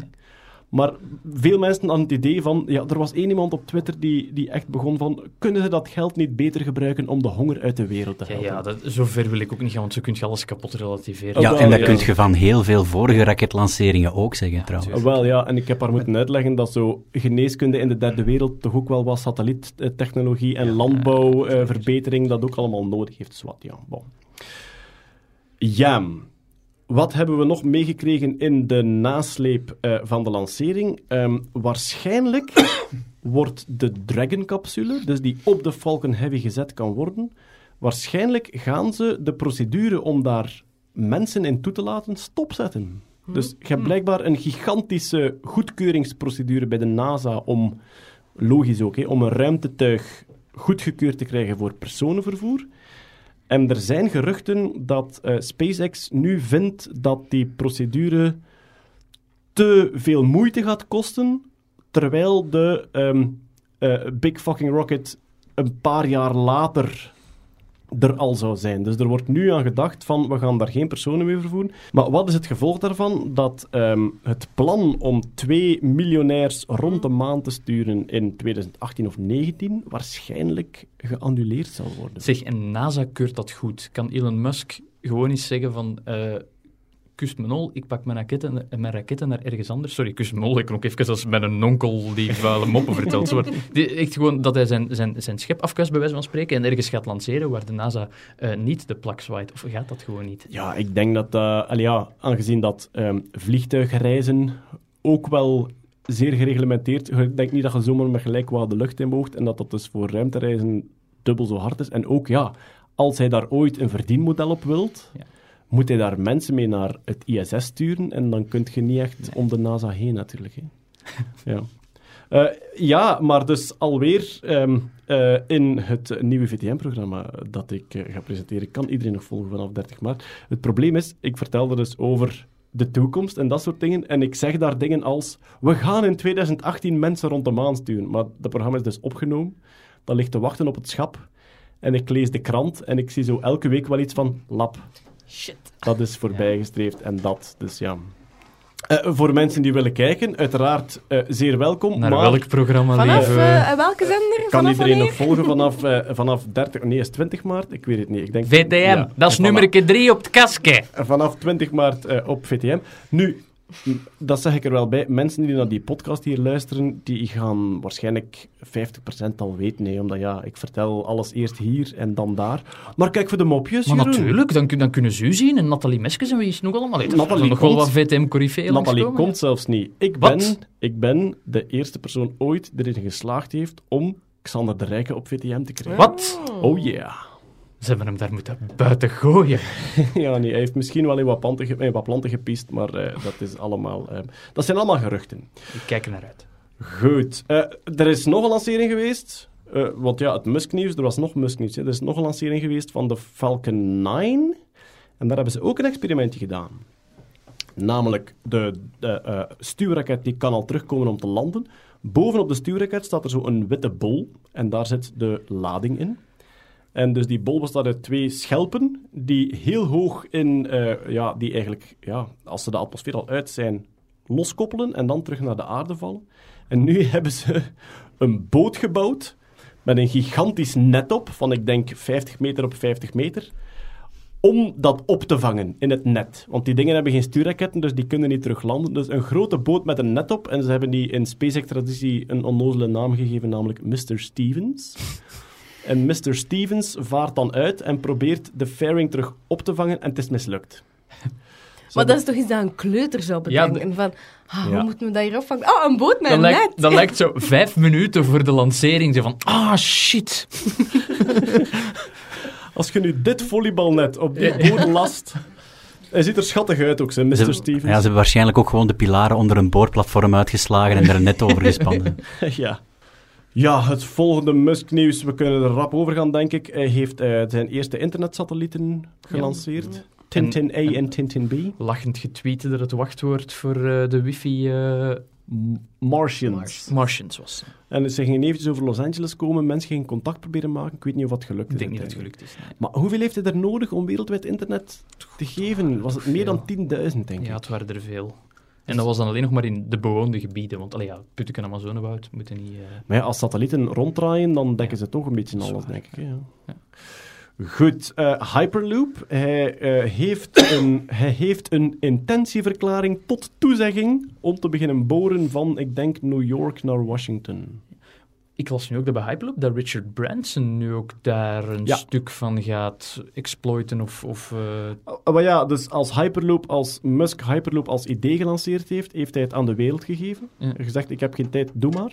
Eh, met de Boring Company maakt hij wel de, de tunnels nu, maar hij heeft zelf geen Hyperloop pod of tunnel in ontwikkeling. Er zijn verschillende bedrijven en ook universiteiten opgesprongen, onder andere die van Delft in Nederland, die zelfs de competitie voor beste eh, wagonnetje, Hyperloop wagonnetje gewonnen hebben. En ehm, een van die bedrijven was, ik denk, Hyperloop One. En volgens mij is het dat. Een van die bedrijven is door Richard Branson gekocht en heeft dat ook nu Virgin gelabeld. Dus je hebt nu een Virgin Hyperloop. Eh, dus in het, in het, in het eh, Silicon Valley piemelspel van eh, Ja. wie is de coolste miljonair, probeert Richard Branson, Branson zich er op die manier een beetje in te murwen. Richard Branson onlangs door Frankie Boyle beschreven als een zongedroogde BG. Wat ik een heel mooie beschrijving vind van Richard Branson. Calls himself an environmentalist, dat runs an airline. Dat is eigenlijk... Hyperloop, Hyperloop. Eh, ja, de vlammenwerpers die Elon Musk eh, verkocht heeft, zijn nog niet geleverd, maar er is wel al een geek in geslaagd om er zelf een te bouwen voor de helft van de prijs. Dus als je gewoon een bepaald type ehm, eh, softgun is dat, zo airsoft gun koopt, en je koopt ook een, een soort brander die je voor dakwerken nodig hebt, en je last die daar op de juiste manier in, je doet alles terug dicht. Hij heeft zelfs het The Boring Company logo geprint en erop gekleefd. En hij is dus blijkbaar niet te onderscheiden. Eh, dus je kunt nu al je eigen Boring Company flamethrower bouwen, Of mocht je dat willen. Kindjes thuis, een briquet en Axe bodyspray. En dan gaan we het Musk-blokje afsluiten met... Ja, Richard Branson hebben we al gehad, maar onze goede vriend Jeff Bezos heeft ook een leuk projectje. Inderdaad. Jeff Midlife Crisis Bessels eh, heeft een enorme klok gebouwd in een berg. Enfin, hij heeft ze niet gebouwd, Hij heeft ze Heeft ze gepikt. wel gekocht. gepikt, ja. Gekocht, maar nu is, het, ja. nu is het zijn klok. Dus, en enlighten us, Jeroen, wat is er gebeurd? Wel, het is een soort van klok die eh, minstens duizend jaar moet tikken. Die moet 10.000. 10.000, excuseer, sorry. Ja, zijn, zijn, zijn, zijn gebrek aan piemel is langer dan ik dacht. Ze loopt nu wel al vijf minuten achter door die we- Damn you, Europese elektriciteitsnetwerk. Nee, het is in een, een, een berg in Texas dat die klok zit. En het is een soort van half filosofisch, ehm, half technologisch project. Eh, een klok die 10.000 jaar moet eh, meegaan. En hij kadert het als van, ja, wij denken altijd maar in, in tijdspannen van 10 jaar, in een tijdspanne van 50 jaar. Maar voor de mensheid en voor, eh, voor eh, onze samenleving zeg ik als eh, Jeff Bezos, zelfverklaarde technologische Jezus, dat we op een soort van langere termijn moeten denken en dat de mensheid ten goede gaat komen. Het is een Ja. klok die is onderverdeeld in verschillende kamers. Die kamers die unlocken op bepaalde intervallen. En elke kamer speelt een ander geluidje als hij unlockt. Het is in een berg, echt. hè? Het is in een berg, ja. uitgeholde berg. In een uitgeholde berg, Want het is ja. 150 meter hoog ook, de klok. Ja, hè? Het is 150 Of meter Ja. Een heel groot, massief ding dat hol van binnen is. En Jeff gekocht Bezos. van wie? Gekocht van, van eh, ik denk een open universiteit dat het er ook al mee Ja, bezig waren. Danny, Danny Hillis had dat idee blijkbaar in 86 in zijn hoofd. En Ja. Bezos dacht vandaag, doen we 42 miljoen. Maar ik heb, jaren, ik, heb, ik heb dat jaren geleden al horen waaien Het, als een stinkt, soort... het, is, het is een prestigeproject. Het is ook, Ja. er, er hangt zo heel veel van dat wollige ehm, toekomstdenken ding aan. Het precieze nut ervan, ja, er zit natuurlijk wel heel veel technologie achter om, om die klok ook mechanisch en zo goed te krijgen. Maar dan die kamers die opengaan met een muziek en een boodschap bij, dat is allemaal heel... Ze- ja, Ja, het is een beetje hipster. beetje hipster, zweverig. ja. Filosofisch Plus ook, hipster. Ze hebben enkel zo. de eerste twee kamers gebouwd en het is aan de kinderen van de toekomst om de andere kamers te Ja, bouwen. zo kan ik het ook. Hè? Ja, het is dat. Ja, dat is, dat is die tekening van How to Draw an Owl. Ja. Hier, ik heb een medicijn voor het eeuwige leven. Ik heb al vaste injectiespuit gemaakt. het is aan de generaties van de toekomst. Maar ja. Hij had, hij had blijkbaar ook gezegd dat het een lesje in nederigheid was, wat redelijk ironisch is als Ja, je een inderdaad. 150 meter grote klok bouwt. Oké, dat is misschien Jeff- Bezos zijn hoofd. Jeff Bezos is op zijn shareholders meeting binnengestapt en heeft gezegd van I want a giant cock. En ze hebben gewoon verkeerd opgeschreven. Maar dat terzijde is het, is, het is wel eigenlijk een mooi mechanisch project. Ze Ja. zijn echt moeten gaan zoeken van hoe kunnen we dit bouwen dat dat 10.000 jaar blijft werken, want dat is totaal niet vanzelfsprekend. Ja. Je kunt niet zomaar ijzeren tandwieltjes en dat, dat duurt totaal 10.000 Ook jaar. de locatie en zo is uitgekozen om, geo, Mm. allee, om geo, eh, hoe zeg je dat, geotectonisch zeer stabiel te zijn. en Zo. Ah, Het deed ja. me een beetje denken aan die eh, documentaire Into Eternity. Dat is een documentaire die gaat over, hey, we hebben nucleair afval. Onze manier om met nucleair afval om te gaan momenteel is, we schieten dat kuiver in de grond. En dat is eigenlijk een heel documentaire die draait om, hoe bewaart je iets voor 10.000 jaar? Er zijn nog maar heel weinig dingen in de menselijke samenleving die 10.000 jaar bewaard Ja, gebleven het zijn. gaat over, Piramides staan er zo lang nog het gaat niet. over hè. 100.000 jaar Ja, ja, ja, voilà. ja. Dus en daar, daar hebben ze ja, een betonnen bunker, een of andere in Scandinavië, waar dat het, het best, de beste plek is om het, om het te bewaren. Kleilagen en zo, ja. Ja. Maar goed, eh, eh, Jeff Bezos heeft dus op een persconferentie gezegd: Het is een lesje in eh, bescheidenheid. Ik wou dat ik daar was, dat je je hand kunt opsteken en zeggen: Jeff, uw lesje in bescheidenheid heet Elon Musk. maar ik was er niet. Nu, ik heb wel de indruk. Met een vlammenwerper. Ik heb wel de indruk, dus we hebben hier altijd het, het spelletje van de Musk-fans en de Musk-skepsis. We hebben wel een Bezos-fan nodig. Hè, We want hebben het echt een wordt, het wordt een nodig, beetje Ja, ik, wil, ik wil dat wel doen. Ik vind het een cool, Is het ik vind een cool project. Ik ga, ik ga dat doen. Ja. maar Krijg dan een Bezos-tune. weet je hoe vuil je je gaat voelen als je een Jeff Bezos van bent? Elon Musk van, ze kan het nog mijn leven, maar Jeff Bezos. Heb je die mens al gezien? Maar ja, weet je wat? We zullen gewoon wachten tot als Amazon de podcast koopt. En dat we dan elke maand van, oh, Jeff heeft weer een fantastisch project. Zo gigantisch. Die heeft zo'n grote klok. En Jeff heeft weer iets met drones. En Elon Musk heeft het zo upgefuckt weer met zijn raketten. Wacht tot als. Blue Origin zijn raket zal lanceren. Dan gaan we nog iets zien in de wereld. Anyway, je kunt onze podcast, je krijgt er gratis eh, Amazon Prime bij. Eh, Goed, dat sluit het Musk-nieuws eh, af. Jeroen, we hebben dit weekend gespeeld. We hebben dit weekend echt gespeeld als kleine kinderen. We waren op, uitnodiging van, van eh, Kurt eh, en ik en Lieve, we waren op uitnodiging van Nintendo eh, te gast in Technopolis. En er was een event van het Nintendo Labo. En Nintendo Labo, dat is eigenlijk de, de laatste Nintendo-console, is Nintendo Switch. Dat is zo eigenlijk een klein bakje met twee controllers aan. Je kan die controllers daar afhalen. En nu, eh, Nintendo zijn nieuwe eh, project is een hele hoop kartonnen speelgoed, waar je die controllers op een of andere manier kan induwen. En dan heb je een robotje dat kan rondlopen, of een vislijn waarmee je een spelletje kan spelen. Eigenlijk allemaal heel inventief gecombineerd eh, manieren om te spelen met... We gaan, hier wel, we gaan hier wel bij zeggen voor ons kritische postmoderne publiek. Dit Ja. is geen gesponsord item. Nee, Hè? Dus wij nee. zijn... eh, Geef me een Nintendo Switch. we, hebben dat, eh, we hebben dat filmpje gezien van die Nintendo Switch. Ik denk dat we er in de vorige podcast Ja. al een beetje enthousiast Twee over gedaan twee- hebben. ja, over twee podcasts geleden. Ja. de kartonnen, Ja. de kartonnen innovaties op de CES-beurs was dat. En ja, er was dus een, een, een demo in Technopolis. Ehm, we hebben onszelf een beetje uitgenodigd en Nintendo zei, kom maar af. Ja. We hebben daar gespeeld. Op mijn kaartje stond dat ik een influencer was. Is het waar? Oké, influencer.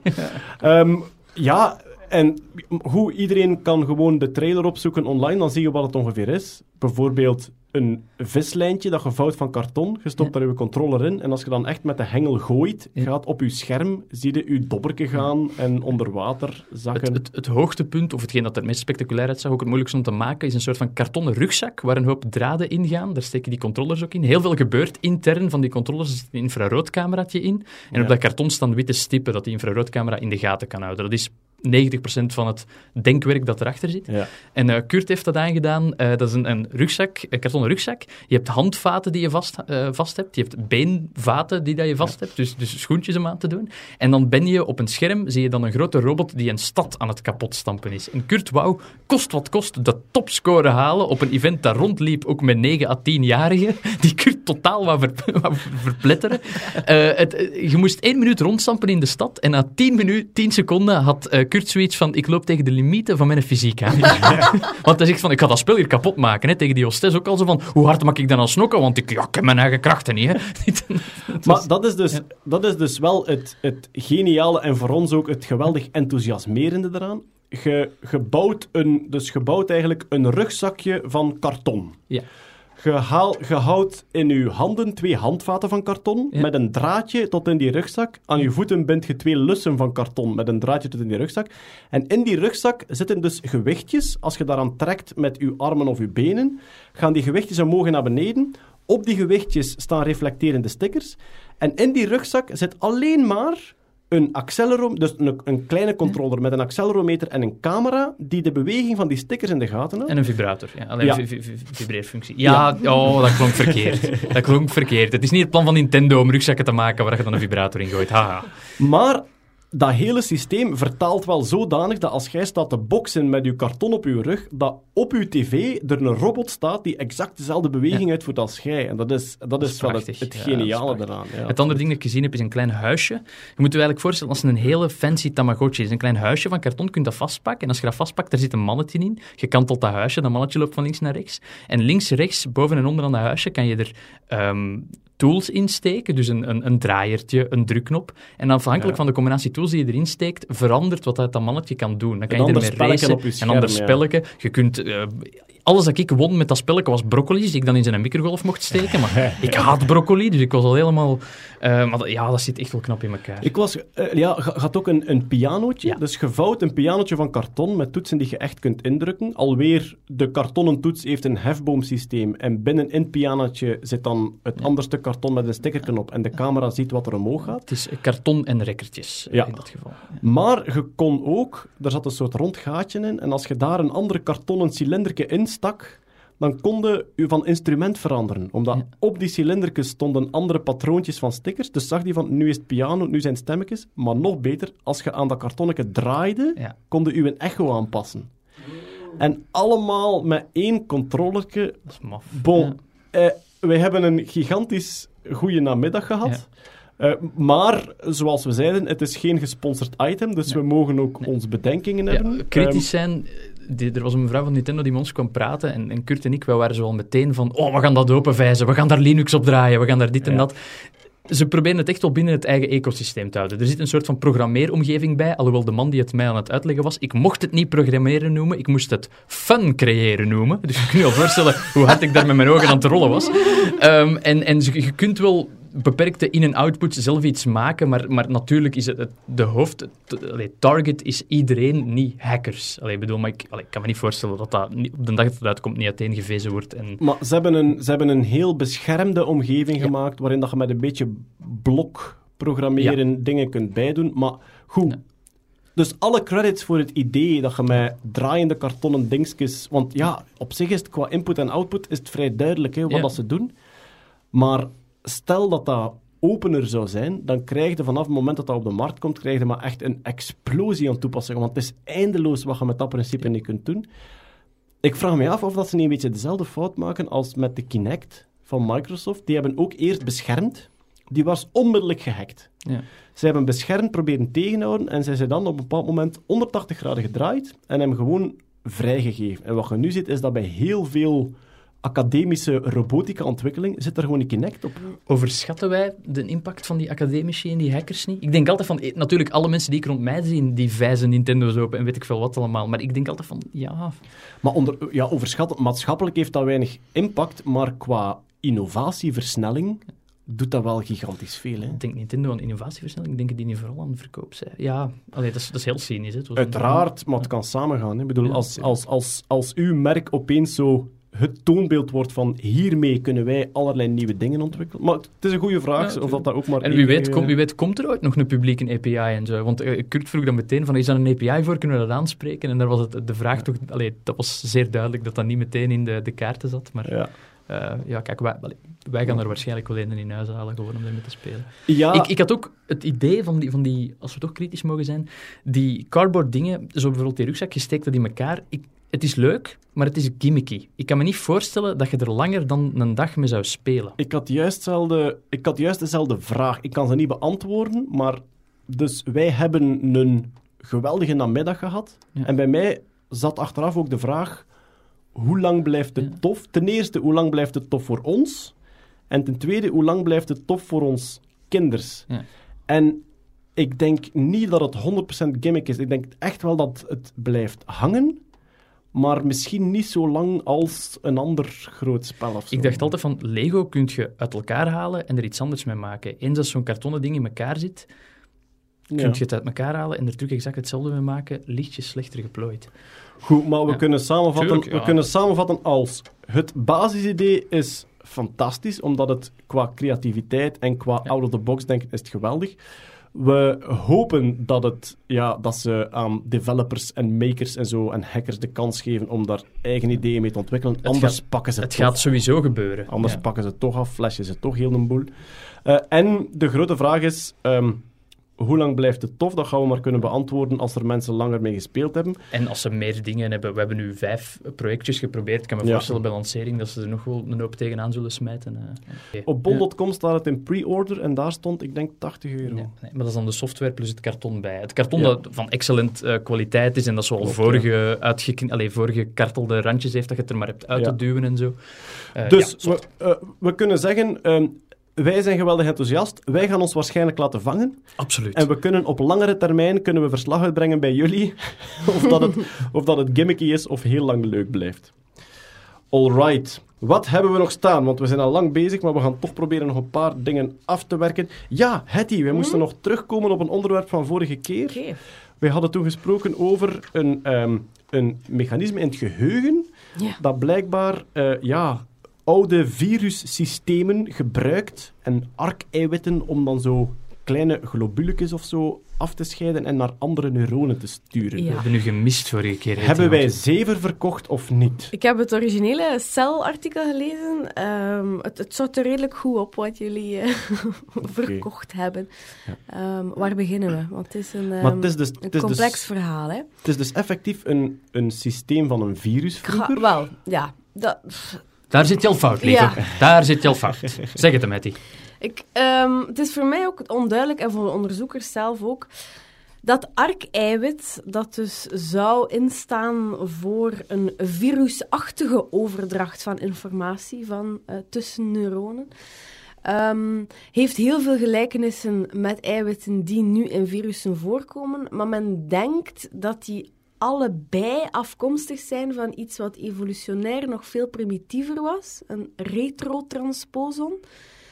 En dat retrotransposon zou dan en aanleiding gegeven hebben tot retrovirussen en aanleiding gegeven hebben tot het systeem dat in ons brein zit. Maar zitten we dan biochemisch nog beperkter dan een virus met zo'n retrotransposon? Retrotransposon is per definitie eigenlijk gewoon een, een stukje van uw DNA dat vertaald wordt in RNA. Ja. dat zich dan losweg in een, uw cel opnieuw omzet in DNA en ergens anders in uw DNA terug eh, zich gaat inwerken. En dan- 42% van ons genoom bestaat uit die retrotransposons Ik trouwens. dacht te zeggen, en dat mag zomaar, dat klinkt Ja. zo willekeurig. Ja, ja Evolutie is een beetje willekeurig. voilà. hè? Maar dat heeft Lieve vorige Ja. keer ook gezegd. Ehm, het is inderdaad maar een, een bijeengerakelde sequentie, ons genoom. Rondmorsen en Ja. wat niet sterft, plant zich Voilà. voort. Temptation Island. Aan sommige mensen ziet je dat precies. Maar goed, we wijken af, hè. Ehm, En, en dus, volgens dat ik het begrepen had, Ja. is er dan effectief ook, zoals bij virussen, hè, een stukje eh, DNA of RNA wordt in een eiwitcapsuleke weggestuurd Ja. naar een andere cel. Ja. En dat zou ook gebeuren in ons geheugen. Ja, en het is dat, allee, meer dan dat hele virusprincipe, is het interessanter dat inderdaad ehm, die neuronen communiceren met elkaar door middel van extracellulaire vesicels zijn dat dan. Dus dat één neuron informatie afscheidt. Dat zijn nu die virusachtige ARC-capsules met wat informatie in, maar dat die effectief doorgegeven worden aan ehm, een ander neuron en dat dat de informatieoverdracht zou zijn. Heel toevallig, dat is nu het onderwerp van mijn postdoctoraat, dat is dat kankercellen ook extracellulaire vesicels afscheiden. Ja, eh, ik plug mijn VTM-programma, ja. dan mocht jij je postdoctoraat Voilà, pluggen. Hè. Dat lijkt mij logisch. Voor communicatie, voor het primen van sites in het lichaam waar metastasen of uitzaaiingen kunnen ehm, eh, zich ja, settelen.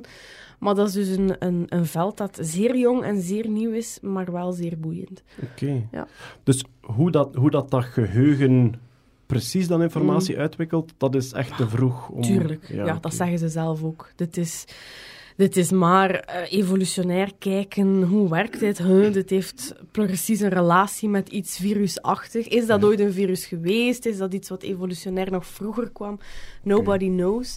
Ja. Maar heel interessant dat dat een deel van de informatieoverdracht in ons brein is. Ja. Ik hoor het hier al, het is het er ook al op. Eyes on the money. Ze denkt van die CRISPR-trein al ik iets te laat voor. Deze, deze neem ik. Zeg maar, het die, Ja. dat, dat is dus, dat is dus DNA-transport in uw hoofd, of tussen verschillende neuronen? RNA, ja, RNA-transport, ja. ja.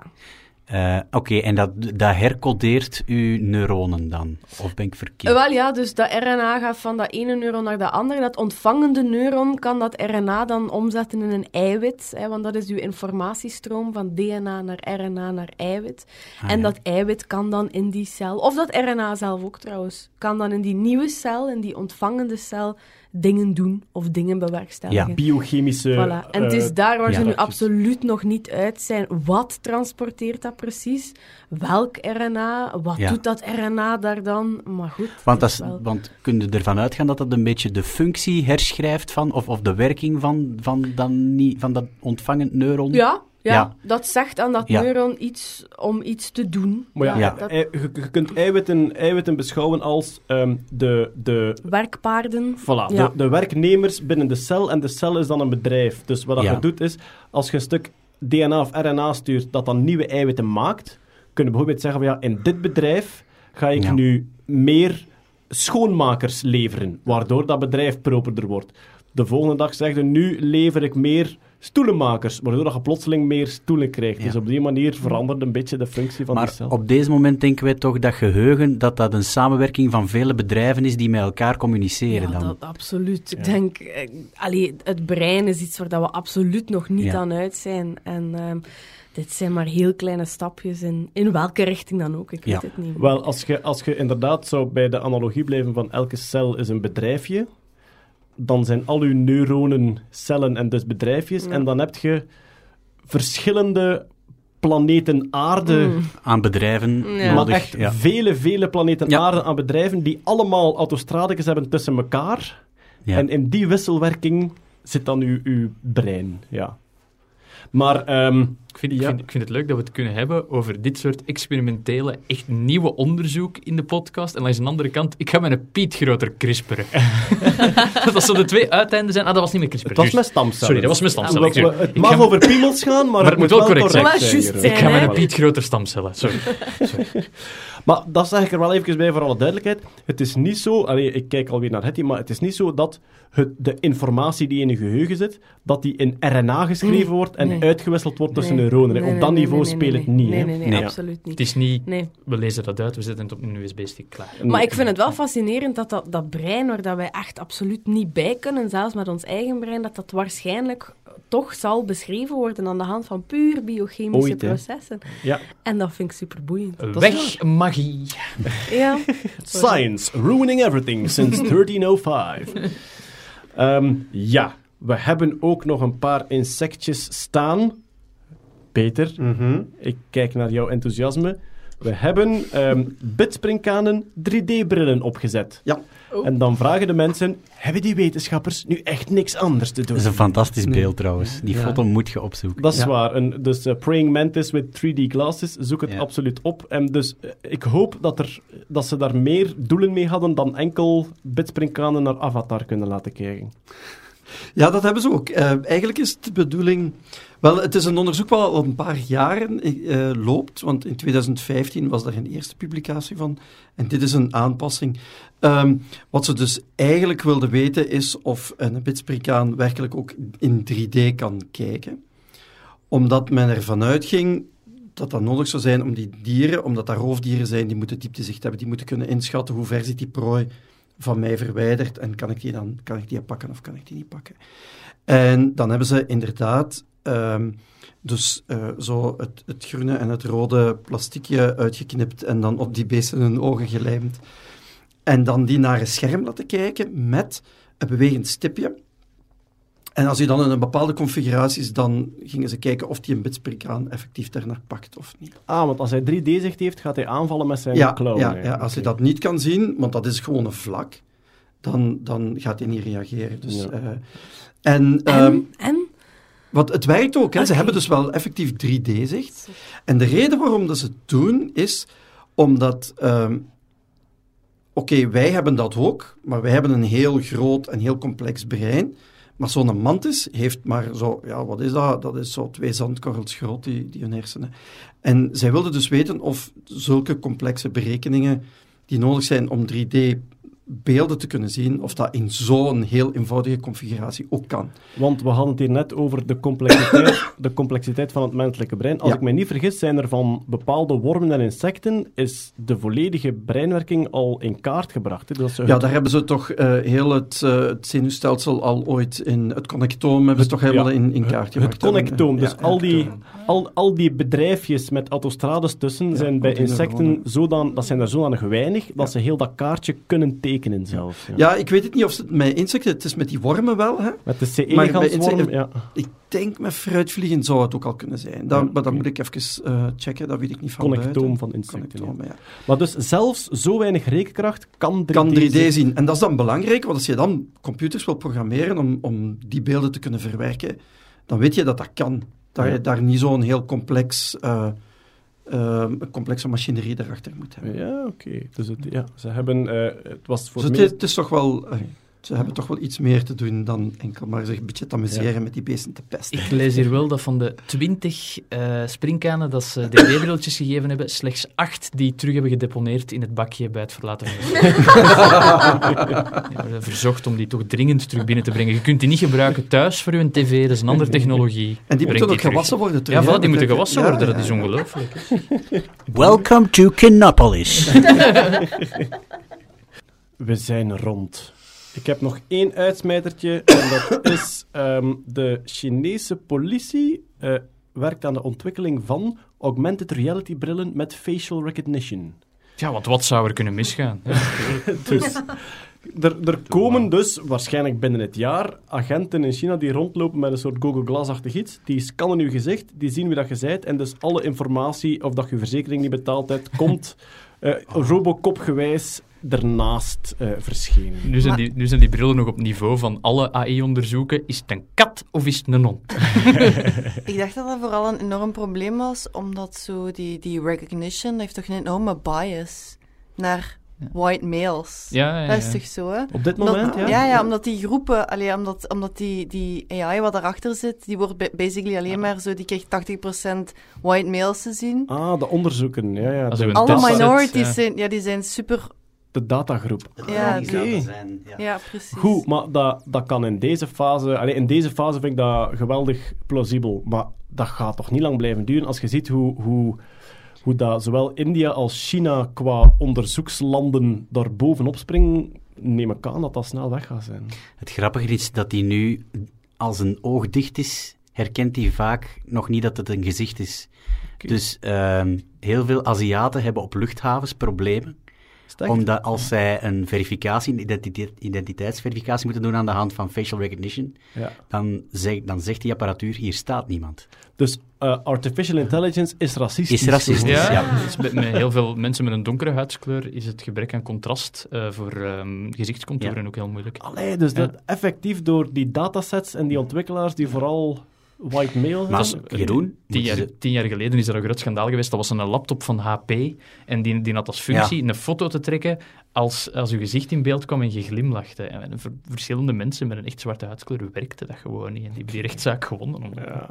Sorry. Maar wa- hoe, dan moeten ze toch, ze moeten heel de kern van die technologie toch aanpassen. Wilden ze dat voor, allee, wilden ze dat werkend krijgen voor mensen met een donkere huidskleur? Want dat werkt toch op, ja, op zo lichtgradiëntjes en op contrasten. op, En, op feature detection. Je kunt ook je kunt uit een bewegend beeld soms meer afleiden dan uit een, Ja. uit, uit een stilstaande foto. Dus ik Ja. denk dat daar ook, als je over meerdere frames kunt, kunt kijken. maar dat is dus aanpassen van de kern van de technologie. ja, Ja. klopt.